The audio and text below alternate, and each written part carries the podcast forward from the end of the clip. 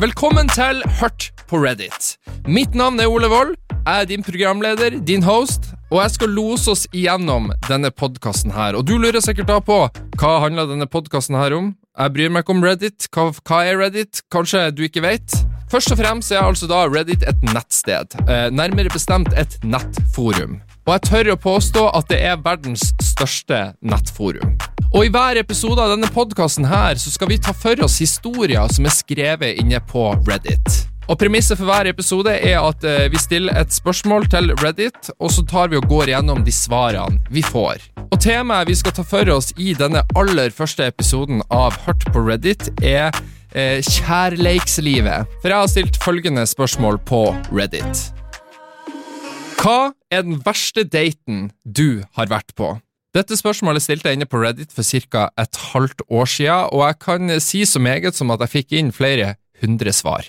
Og av alle de hundrevis av historiene jeg har fått inn, så har jeg da plukka ut de beste og mest eh, underholdende historiene ut av disse. Vi alle har jo en slags erfaring med dating, enten vi har vært på en date sjøl, eller at vi kjenner noen som har vært på en date. Og det flotte med dating er at plutselig så møter du drømmepartneren din. På den restauranten dere er på, så sitter personen du potensielt skal tilbringe hele livet ditt med. Kanskje dere skaffer dere en hund? Dere kjøper dere hus, dere får et stakittgjerde, campingvogn. Eh, dere lever sammen til dere begge dør i en alder av 90. Skaffer dere plass på kirkegården med gravstøtte rett ved sida av hverandre. Ah, rett og slett en perfekt kjærlighetshistorie.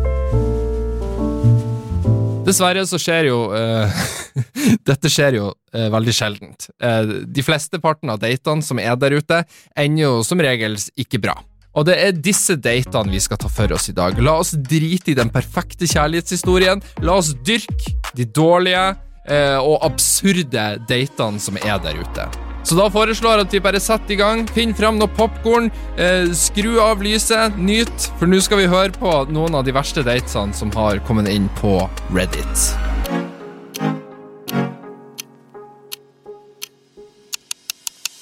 Og Det første innlegget jeg skal ta for meg, handler om ei, eh, ei dame som ikke er så glad i dyr. Hun prøvde å sparke til en hund etter ca. 100 meter sammen. Men hun tryna og fikk velfortjent søle over hele seg. Vi rakk jo ikke mer av daten, fordi hun fikk søle over hele seg. Og hun prøvde å uh, sparke en hund. Men det var ment som en date, så jeg antar at det tels. ja.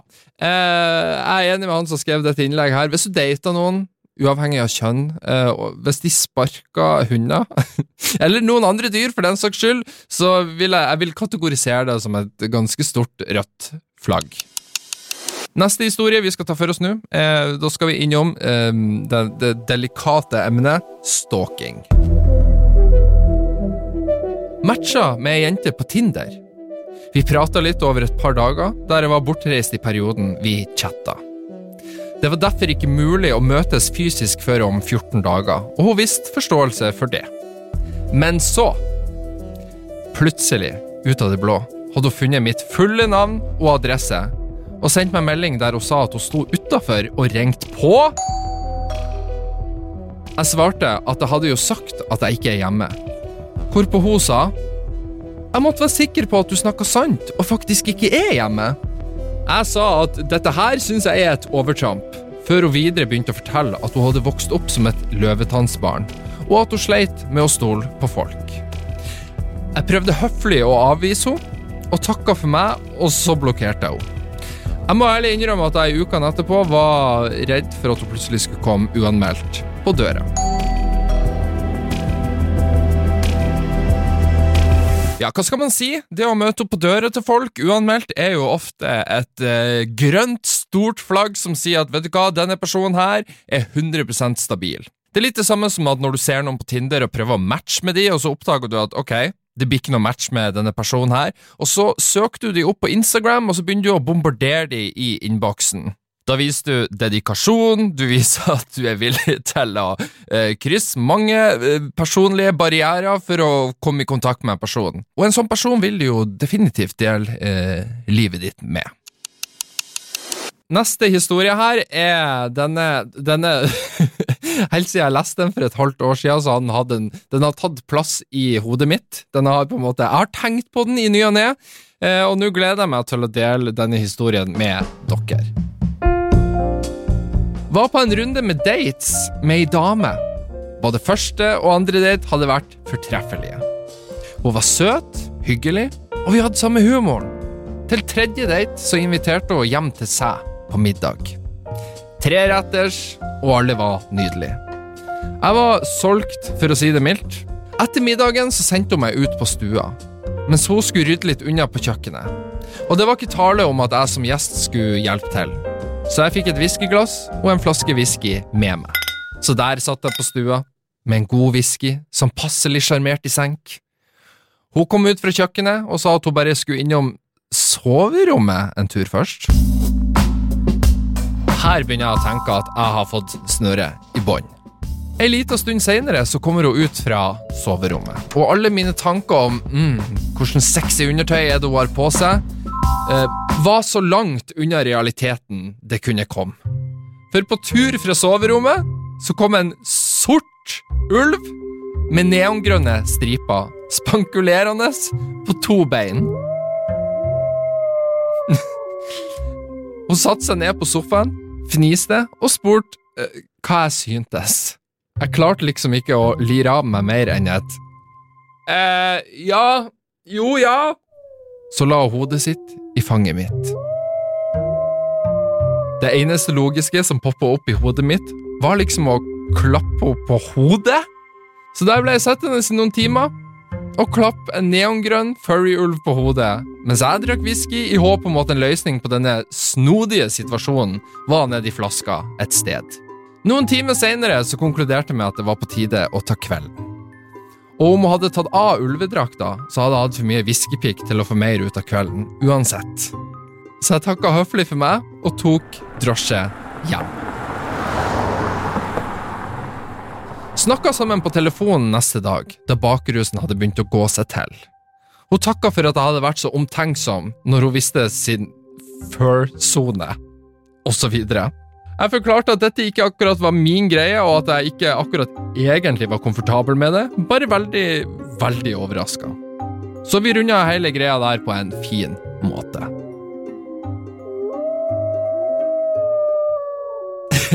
ja, altså det er jo veldig synd hvis man ikke har en greie for ulver i, fra før av, så er det jo klart at det blir vanskelig å på en måte komme seg i en het stemning der og da.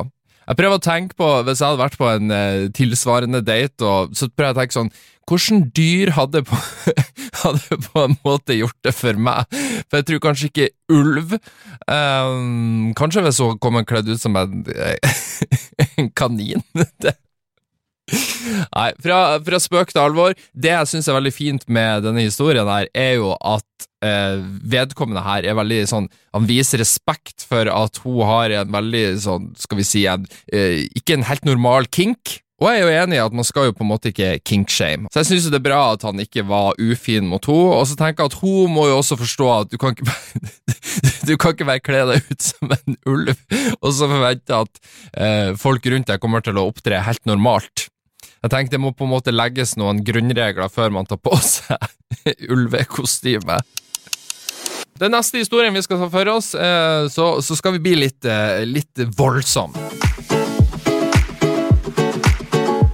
Vi møttes på en forholdsvis travel uteservering i Oslo og koste oss med noen øl mens vi prata sammen. Samtalen gikk faktisk veldig bra, og vi hadde en del felles interesser.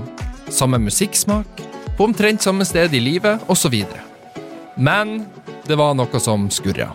Jeg klarte liksom ikke helt å se det før det slo meg, bokstavelig talt. Hun klappa til meg!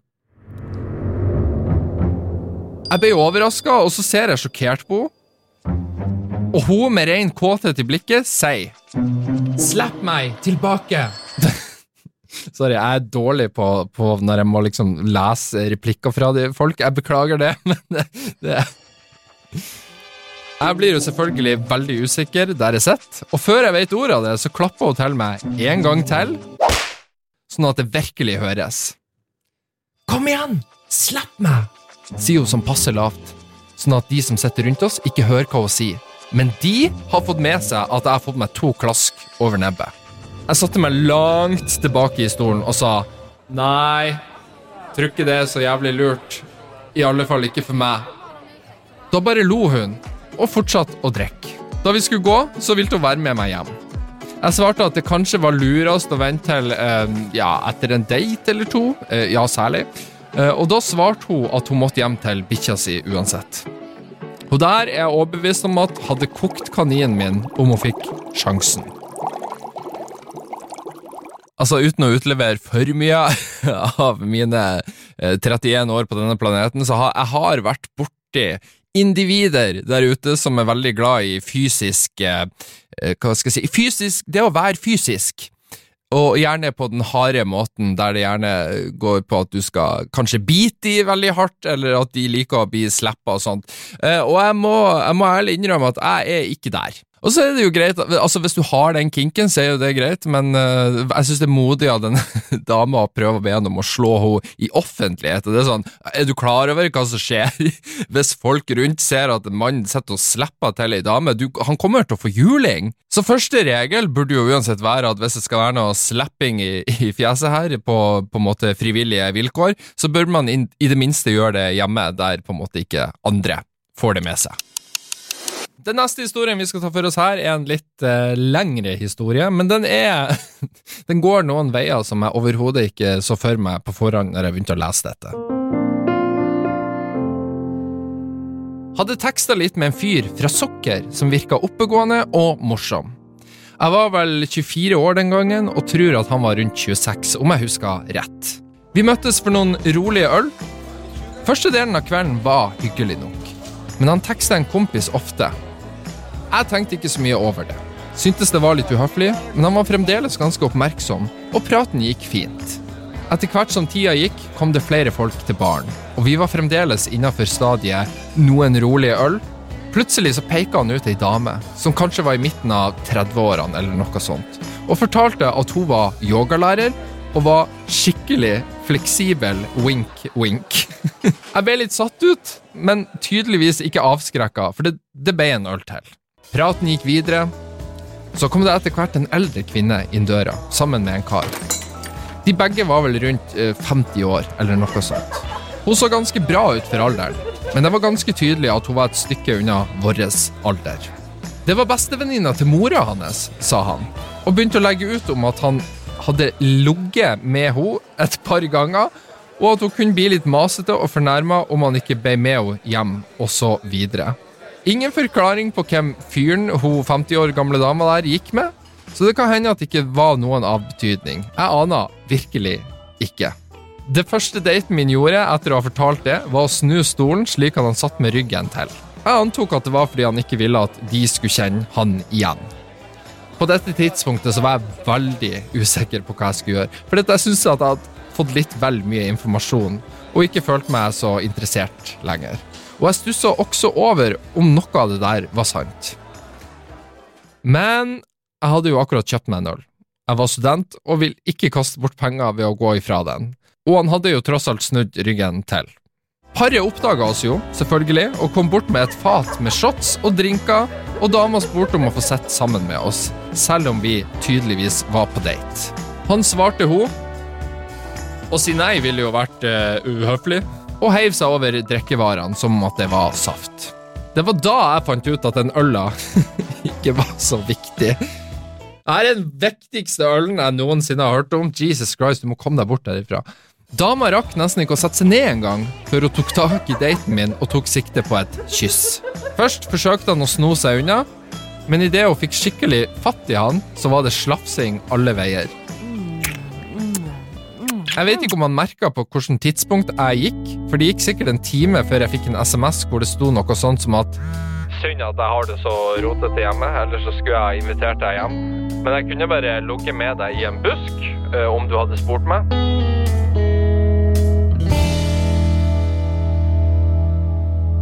Jeg tenker at Moralen i denne historien her er at uansett hvor viktig den ølen er for deg, uavhengig om du er student og har kanskje litt eh, skjør økonomi, så tenker jeg at på enkelte tidspunkt så må du ta noen eh, verdivalg og finne ut at vet du hva, nå må jeg hjem. Dette må jeg bort ifra. Eh, og hun her dro nok en halvtime for seint. Den neste historien vi skal ta for oss her, har ikke akkurat en eh, happy ending, for å si det mildt, men uh, fortsatt en interessant historie.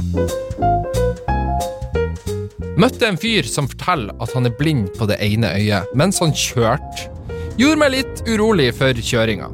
Vi dro på kino, og jeg prøvde virkelig å holde en samtale med han men han bare snappa med kusinene sine. Sorry, jeg må avbryte litt der. Du drar ikke på date med noen på en kino. Da får du ikke Altså, hvordan, hvordan skal dere prate under den kinoen? Hvis dere forteller å ha en god samtale når dere er på en kino, så sitter hele resten av kinosalen og hater dere. Filmen var over, og vi skulle spise, og satt bilen hans på lading ved siden av Peppes Pizza.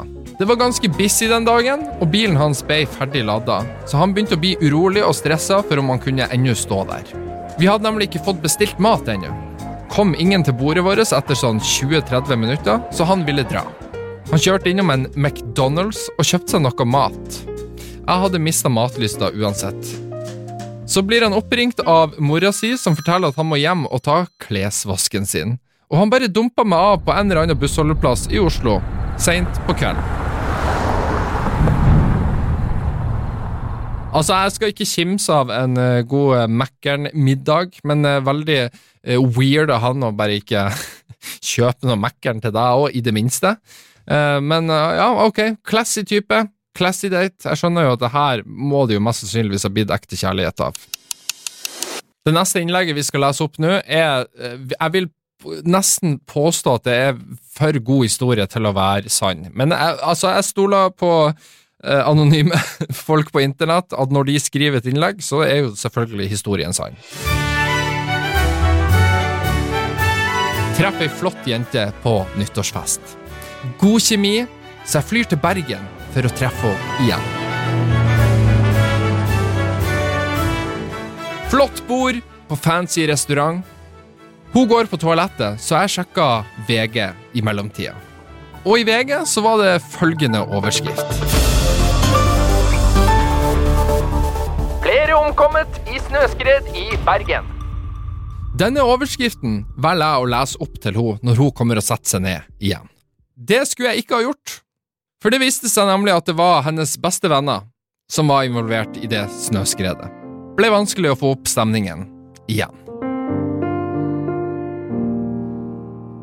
Ja, altså, jeg vet hva Jeg vet ikke hvilken moral jeg skal plukke ut fra denne historien her. Um, ikke vær på fjellet når det er snøskredfare, fordi at uh, det, det, kan gå ille. Snøskred, det, det er farlige greier, altså. Plutselig så kommer snøskredet og tar deg, så uh, ja, hold dere hjemme. Alkoholforbruket til oss nordmenn er jo ofte veldig usjarmerende, og i neste historie her så skal vi altså da øh, finne ut hvorfor det kanskje ikke er så lurt å drikke masse alkohol før man skal på en date. Vi hadde møttes og rota et par ganger før, etter å ha blitt introdusert av en god venn. Dette var første date. Magefølelsen hadde lenge sagt at dette egentlig ikke var noe god idé, men hun var relativt fin og hadde gått gjennom en periode med tørke. Hun var full når jeg kom. Ok, tenkte ikke at det var helt uhørt å ta seg noen øl før en date, så jeg lot det passere. Det var først og fremst kjedelig, hvor hun la ut om alle problemene sine og eventyr med andre menn. Burde selvfølgelig gitt meg der, men vi møttes et par ganger til. Primært fordi hun likte å smøre inn hele kroppen med kokosolje før sex.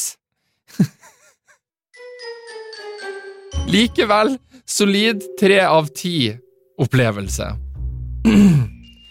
Forholdet til den gode vennen min, som hadde da introdusert oss, fikk seg også en knekk. Jeg ble sur fordi at hun introduserte meg uten å informere om de åpenbare problemene. Hadde jeg hatt enda litt mindre selvrespekt, kunne jeg fort vikla meg inn i et forhold med en ustabil alkoholiker med flere mentale problemer på toppen. Så til alle kids der ute, hvis noen møter full på en date, så er det 99% sikkert at de har et alkoholproblem, og har garantert andre problemer også. Det er ikke noe gøy å date slash være sammen med folk som har disse problemene. Nei, og jeg tenker at hvis du har et alkoholproblem, prøv nå i det minste å skjule det de to-tre to, første datene, og så kan du lure vedkommende inn i en felle etter det, for da har du uansett hooka de fast. Men eh, ok, hvis ikke du klarer å holde deg edru de første datene en gang, da har du virkelig et alkoholproblem, eh, og ja. Og apropos røde flagg, eh, neste historie her har et enormt rødt flagg. Jeg bodde i utlandet og matcha med en nordmann på Tinder. Vi kom veldig godt overens via chat og bestemte oss for å møtes. Det virka som vi hadde mye til felles, alt fra musikk til politikk. Vi dro fra baren og bestemte oss for å spise middag. Da vi hadde bestilt mat og en flaske til bordet, så sa han til meg Jeg tror det er i alle menns natur å ville voldta kvinner. Jeg husker ikke helt detaljene videre, men vi men vi krangla, og mens jeg var på toalettet, så dro han. Sjarmerende type. Neste dag fikk jeg melding om at han syntes det var så hyggelig å møtes, at han hadde lært mye av meg, og gjerne ville møtes igjen. Et eneste stort, rødt flagg. Det som skremmer med denne historien, er at hun skriver ikke hvorvidt hun bestemte seg for å møte han igjen eller ikke. Jeg, jeg går ut ifra at hun ikke møtte han igjen. Jeg håper det. Så langt i denne podkasten så har det jo vært lite dickpics, eh, så jeg tenker at nå må vi slå til med en kukk-bildehistorie. Jeg gikk på en Tinder-date med en fyr som nå står i kontaktene mine som ikke svar dickpic. Før daten så virka han normal. Vi sendte meldinger og snakka i telefonen, og så avtalte vi å møtes på en restaurant eh, slash bar. Han var en søt fyr, men eh, definitivt eh, bitter for et eller annet. Han var fra California og likte tydeligvis ikke denne nye byen vi var i.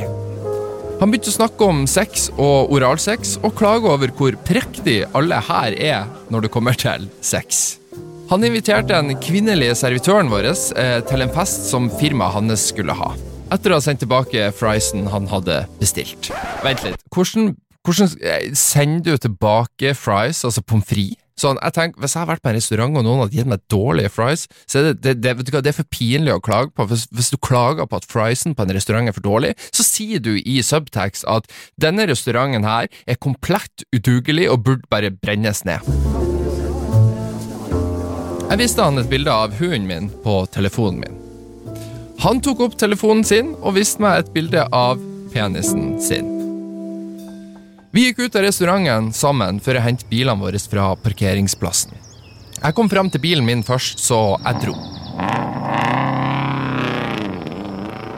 Han sendte meg senere en melding om at han hadde genseren min, som jeg tydeligvis hadde mista på vei ut fra restauranten, og at hvis jeg ville se den igjen, så måtte jeg bare henge med han. Rest in peace, genser.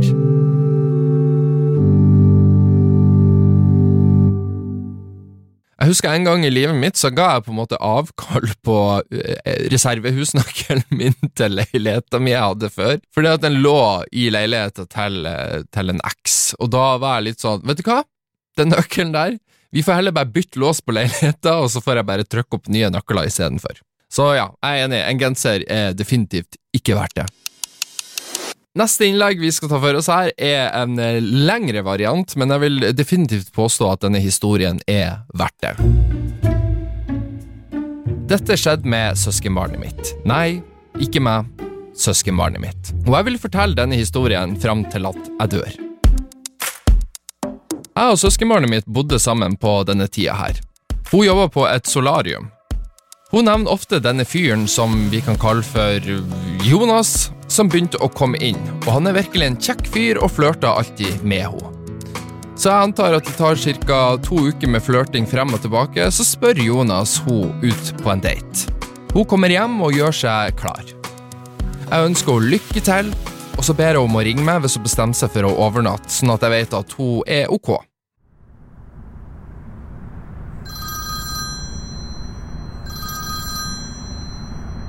Hun ringer meg omtrent fem timer seinere. Hun er hysterisk. Hulka sårt, og jeg kan ikke forstå et eneste ord hun sier. Alt jeg får ut av henne, er Jeg er på sykehuset! Bilen min er på en eller annen adresse! Vennligst hent den, og så kom og hent meg! Sorry, jeg prøvde å spille lady in distress her. Jeg vet ikke om jeg gjorde en god jobb, men jeg håper dere fikk fram eh, at, jeg, at jeg fikk fram budskapet. Så kjæresten min og jeg henta bilen hennes. Vi kjører den tilbake til vårt hus, og kjæresten min bestemmer seg for å plukke opp et par kamerater på veien, for det virka som at noen kanskje trenger en omgang juling. Vi hadde ingen anelse om hva som hadde skjedd. Vi kommer til sykehuset, og hun står utafor og skjelver. En mann står ved sida av henne. Han ser bekymra ut, og hun ser forferdelig ut. Hun hopper inn i bilen, og så skriker hun Bare kjør! Jeg, sint som faen, sier til fyren som også hopper inn i bilen. Er du Jonas? Han ser ut som at han skal til å gråte hvert øyeblikk. Ja, vær så snill, ikke bli sint. Jeg kjørte henne hit. Jeg, jeg måtte Altså, hun ville ikke. Vær så snill, la meg forklare. Søskenbarnet mitt er helt hysterisk på dette tidspunktet. Hun slår i baksida av setet mitt, og så skriker hun Vær så snill, kjør! Jeg sier til Jonas Jeg har ikke tid til å høre på deg. Hun vil hjem. Jeg må ta vare på henne. Vi kjører hjem, og jeg spør hele tida hva faen er det som har skjedd, og at hun må fortelle meg det nå. Uh, har Jonas skada deg? Må vi ringe politiet? Svaret hennes er Nei, vær så snill, ikke noe sånt. Jeg skal fortelle deg hjemme, bare ikke foran andre mennesker nå. Så jeg lar det være, men jeg dør innvendig av nysgjerrighet.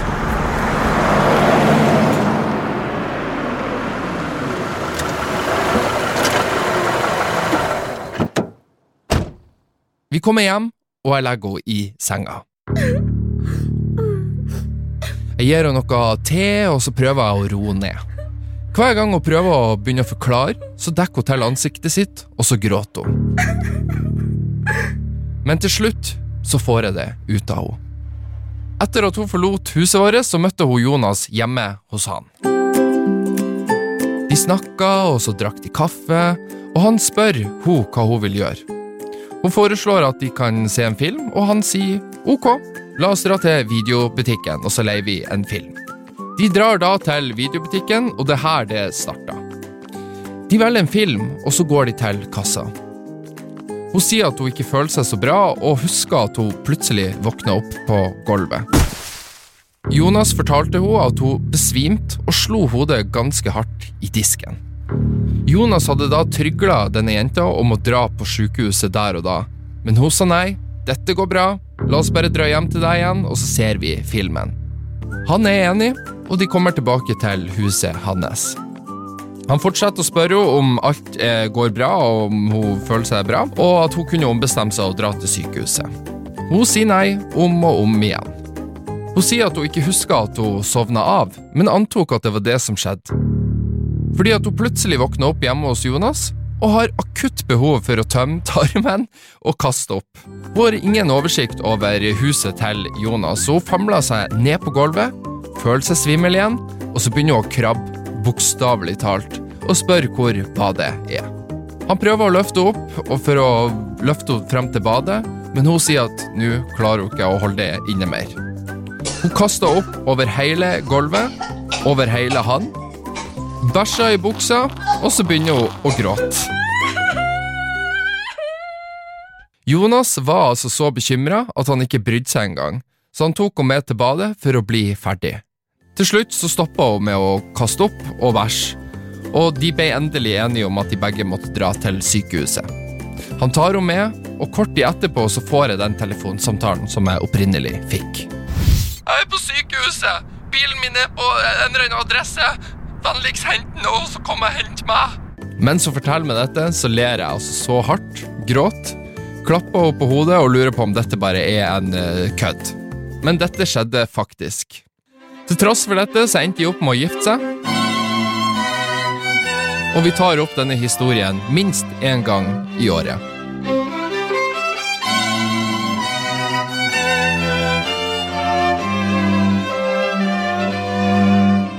Her er det veldig lett å, omtale Jonas som en hedersmann. Jonas er altså en standup guy som, som stiller opp uansett. Men på den andre sida så tenker jeg også at hvis, altså hvis man er på date med noen som man liker skikkelig godt, og la oss si man kjenner hverandre litt fra før av, så tenker jeg at dette er ikke nødvendigvis en deal-breaker.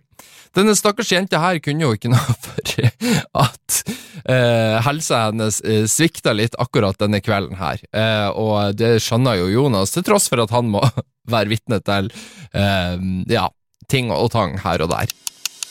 Den neste historien vi skal høre på nå, er, tror jeg må være den mest den kleineste daten som noensinne har eksistert på denne planeten. Jeg gikk på date med ei jente fra Tinder. Det var seint, klokka var rundt eh, ni på kvelden, og hun sendte meg plutselig en melding. Vi snakka en stund, og hun ønska at vi skulle møtes, og så kunne vi kanskje spise litt. Jeg hadde ikke spist middag ennå, så jeg sa ja. Vi skulle møtes på en eh, lokal, eh, liten restaurant. det er så bra. Det er veldig bra argument for å takke ja til en date. Jeg har ikke spist det, så da kan jeg jo like så greit bare dra ut og spise med henne. Men ok. Profilbildet hennes var greit. Ikke min typiske type, men hun var ikke forferdelig heller. Det som derimot møtte meg, var ikke helt bra.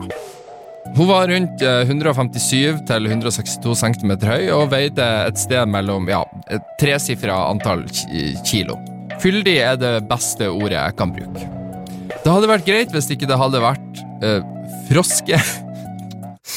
ah, Froskelignende. Jeg prøver å være snill her. Ja, jeg må bare spesifisere. Nå leser jeg opp en historie her. Dette er ikke mine ord, dette er tatt ifra Reddit, som sagt, så jeg vil ikke stå bak disse utsagnene her, bare så det er sagt. Det hadde til og med vært greit hvis det bare var oss to på den daten, men det var det ikke. Hun hadde tatt med seg venninna si, ei som var 18 år, og jeg var altså da 22 år, og hun var 20 år. Som om ikke det var nok, så hadde venninna tatt med seg en liten unge. Og ja, i tillegg så hadde venninna tatt med seg en ekstra venn. Så her sitter jeg med tre jenter og en småunge jeg ikke kjenner overhodet. Alle tre jentene hadde med seg Monster energidrikke inn på restauranten. Vi satte oss ned ved bordet, og det gikk bare nedover derifra. Småungen gikk tom for saftig kopp med tut, så mora fylte den opp med Monster. Igjen, jeg må bare avbryte. Jeg vil bare si at Regjeringa vår har nettopp gått ut og sagt at de, de foreslår en 16 års aldersgrense for energidrikke. Og når jeg leser en historie sånn som det her, så skjønner jeg jo hvorfor. Deretter så lot hun småungen leke med sukker og salt og pepperbøssen.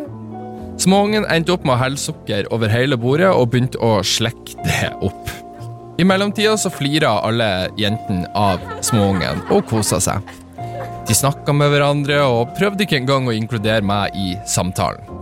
Etter rundt fem minutter med å ignorere meg, så begynte jeg å snakke om gutter fra videregående skole.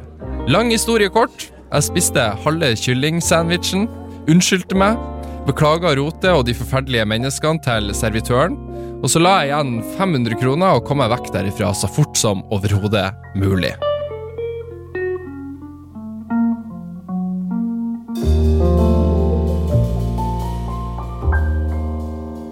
Det høres ut som at de var ute etter et gratis måltid, og dessverre så var du den som fikk fakturaen for, eh, for det måltidet der. Jeg tenker at jeg skal begrense meg for hva jeg mener om eksempel rusdebatten og bruk av narkotika, men det skal sies at det ikke er alltid lurt å date noen som kanskje har et eh, avhengighetsproblem. Matcha med noen på Tinder. Vi snakka litt frem og tilbake i et par dager, og til slutt så bestemte vi oss for å møtes på en bar. Hun brukte mye tid på telefonen og virka veldig ivrig og engstelig.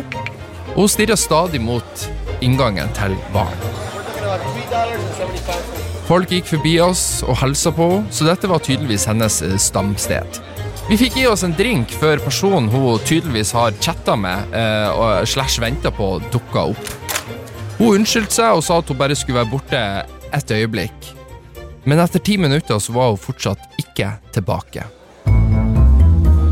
Bartenderen kom bort til meg og spurte om vi var på en date, og jeg svarte ja. Han sa Dude, det der var narkotikaselgeren hennes, og den øla du satte drikk på der, den kan jeg spandere på deg hvis du ønsker å bare forlate nå. For hun dama der hun blir ikke å komme tilbake, og hvis hun gjør det, så vil du ikke være rundt henne. Jeg tenker, Den som kommer definitivt best ut av denne historien, her, det er bartenderen. Det er en ekte, en ekte bror. Som regel når man snakker om ghosting, så handler det om meldinger. At man til slutt bare slutter å svare vedkommende, og så bare forsvinner man sakte, men sikkert uten noen form for konfrontasjon eller closure. Og man skulle tro at man slapp unna ghosting hvis man faktisk møter uh, jenta eller gutten du skal på date med, men uh, det er ikke alltid tilfellet. Jeg ble invitert på en date av en dame jeg hadde møtt på Tinder. Hun sa at venninna hennes også var på besøk, og at de skulle se en direktesendt podkast, og inviterte meg med. Dette var en podkast jeg aldri hadde hørt om før, og ærlig talt så hadde jeg nok ikke dratt på dette arrangementet hadde det ikke vært for at jeg skulle dra med henne. Jeg kom dit, og hun møtte meg. Vi kjøpte en drink, og så satte vi oss ned. Hun introduserte meg for venninna si. Deretter så begynte de å snakke med hverandre uten å involvere meg i samtalen i det hele tatt. Så kom det en fyr bort og satte seg ved sida av venninna hennes. Han introduserte seg for meg, og jeg trodde bare at han var vennlig. Etter at livepodkasten var ferdig, så snakka daten min og venninna hennes fortsatt med hverandre og ignorerte meg. Den fyren som introduserte seg for meg, begynte å følge etter oss, og han begynte å prate med meg, noe som var greit fordi at daten min snakka ikke med meg i det hele tatt. Og det viste seg at denne fyren var på date med venninna til min date. Men det hadde jo ikke jeg noen anelse om, fordi det var ingen som sa noe til meg. Damene ønska så å møte fyren som eh, hadde podkasten, så vi sto i kø en stund, og selvfølgelig sa ikke damene noe til oss gutta. Deretter så begynte de å snakke med en annen dame i køen, og det virka som at de ble venner. Etter at de fikk møte fyren som eh, hadde podkasten, så snudde datens venninne seg til oss gutta og sa Vel, jeg, jeg tror vi skal ha en jentekveld nå. Så datesene våre og dama de hadde møtt i køen, eh, gikk for å få seg noen drinker eller noe sånt. Den andre fyren og jeg bare så på hverandre og tenkte hva i alle dager er det som skjer nå? Vi bestemte oss deretter for å gå til en bar i nærheten og ta en øl, bare oss to gutta. Han var en grei fyr, men hele situasjonen var bare så ufattelig merkelig.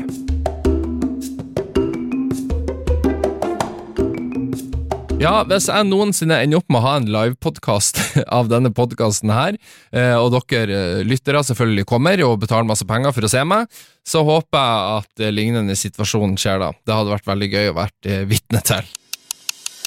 Den siste historien vi skal gå gjennom i denne aller første episoden av Hørt på Reddit, vil jeg si er av den, det sørgelige slaget. Rett og slett en historie jeg fikk litt vondt av når jeg leste den første gang. Vi matcha på Tinder en torsdagskveld. Vi klikka umiddelbart og ble enige om å møtes, men begge hadde planer på fredag og lørdag, så vi avtalte å møtes på mandag kveld etter jobb. Hele tida mellom disse dagene så snakka vi konstant, og begge var veldig interessert i hverandre. Hun fortalte meg hvor nervøs hun var fordi at hun var veldig interessert i meg, og at hun ikke skamma seg over å være så åpen som hun var mot meg. Jeg er jo en fyr, så selvfølgelig likte jeg det. Mandag kommer, og vi er et par timer unna daten. Fortsatt teksting, men nå er hun veldig nervøs og usikker på hva hun skal ha på seg. Jeg skrev til henne Kle deg i det du føler deg komfortabel i. Jeg går bare veldig casual. Og så sendte jeg et bilde av meg sjøl eh, og det jeg hadde på meg. Og dette bildet tjente to formål. Jeg er nemlig litt lubben av meg, og hun var så tydelig interessert i meg at jeg hadde overbevist meg sjøl om at hun ikke var klar over det, så jeg ville at hun skulle vite hva hun kunne forvente om en time eller så. Hun godkjente bildet og kunne ikke vente med å møte meg, osv. Og, så og så begynte hun å kjøre, så det ble stille en stund. Jeg går til møtestedet, og så forteller jeg henne hvor jeg er. Jeg ser at hun kommer kjørende inn på parkeringsplassen, og hun sender meg en melding og spør hvor jeg er, fordi at hun kan ikke se meg. Så jeg går ut av bilen, og så går jeg mot hennes bil. Jeg svarer på meldinga og sier at jeg er nært bussholdeplassen. Jeg ser at hun kommer ut av bilen, hun ser mot bussholdeplassen, og så ser hun meg. Og selv i mørket på kvelden så ser jeg at hun rygger tilbake ved synet av meg. Jeg kan se at hun internt diskuterer med seg sjøl på sekunder om hun bare skal hoppe tilbake i bilen, eller gi meg en sjanse. Jeg sier hei til henne, allerede vitende om at dette kommer til å bli helt forferdelig. Vi går til bowlinghallen, hvor vi hadde planlagt å dra. Og jeg gir henne en miniomvisning i byen vi er i, fordi at hun ikke har vært her før. Men jeg får nesten ingen respons. Vi kommer til bowlinghallen, og jeg tilbyr henne en drink, men hun avslår. Ok, greit nok. Så jeg nipper til ølen min, og så prøver jeg å få samtalen i gang, men jeg får altså ingenting tilbake. Vi går for å spille bowling, og jeg lager vitser, og jeg er tøysete av meg, og bare prøver å få henne til å le sånn generelt et eller annet. Men hun bruker nesten all tida si på tekst, og gir meg korte svar. Hun ender opp med å vinne i bowling, og ja, jeg er dårlig i bowling, bare så det er sagt. Så jeg spør om hun vil være litt lengre, eller om hun vil dra hjem. Hun sier at hun vil være litt lenger, så vi setter oss ved baren, og så snakker vi nesten ikke i det hele tatt, fordi at jeg får ingenting ut av henne. Til slutt så bestemmer jeg bare for å ta kvelden og si at jeg må tidlig opp på jobb, så jeg følger henne tilbake til bilen hennes. Hun åpner døra, snur seg, og så strekker hun ut handa og armen sin, og så sier hun Jeg kommer ikke til å klemme deg. Jeg er ikke høflig, altså. Jeg, jeg, bare, jeg, liker, jeg liker ikke fysisk kontakt på første date. Jeg svarer ok selv om jeg ikke engang prøvde å klemme eller kysse henne. Jeg drar hjem, og omtrent en time senere får jeg en melding hvor det står Akkurat kommet hjem. Takk for en herlig kveld. Og så hørte jeg aldri fra henne igjen. Jeg ble rett og slett ghosta etter det. Dette var en total knekk for selvtilliten min. Hun var veldig interessert i meg, helt til hun så meg i virkeligheten, og da ble det en total snuoperasjon fra hennes side.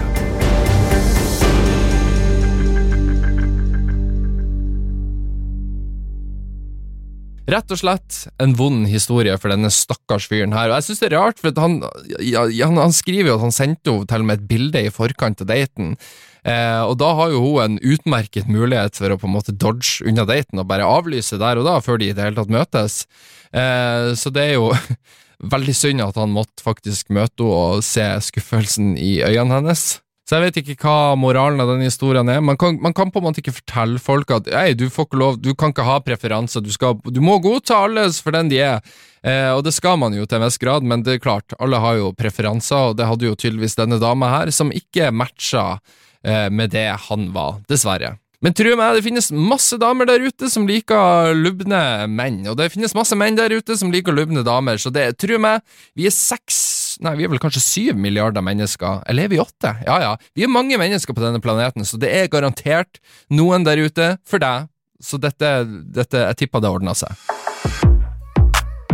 Og der tenker jeg at vi skal avslutte denne aller første episoden av podkasten Hørt på Reddit.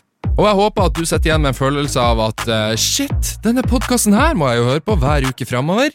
Uh, og hvis du gjør det, så må du gjerne abonnere og følge denne podkasten på den plattformen du hører denne podkasten på. Og hvis du føler deg ekstra viril og modig og gæren, så kan du ta delen på sosiale medier, eller del det til en venn, og sånn at flere kan høre denne. Uansett så vil jeg takke deg så mye for at du har sjekka ut denne første episoden av podkasten. Og hvis, jeg, hvis, du ender opp med å ghoste meg til neste uke, så skal jeg forhåpentligvis klare å tilgi deg for det. Takk for meg. Vi høres igjen i neste episode av Hørt på Reddit.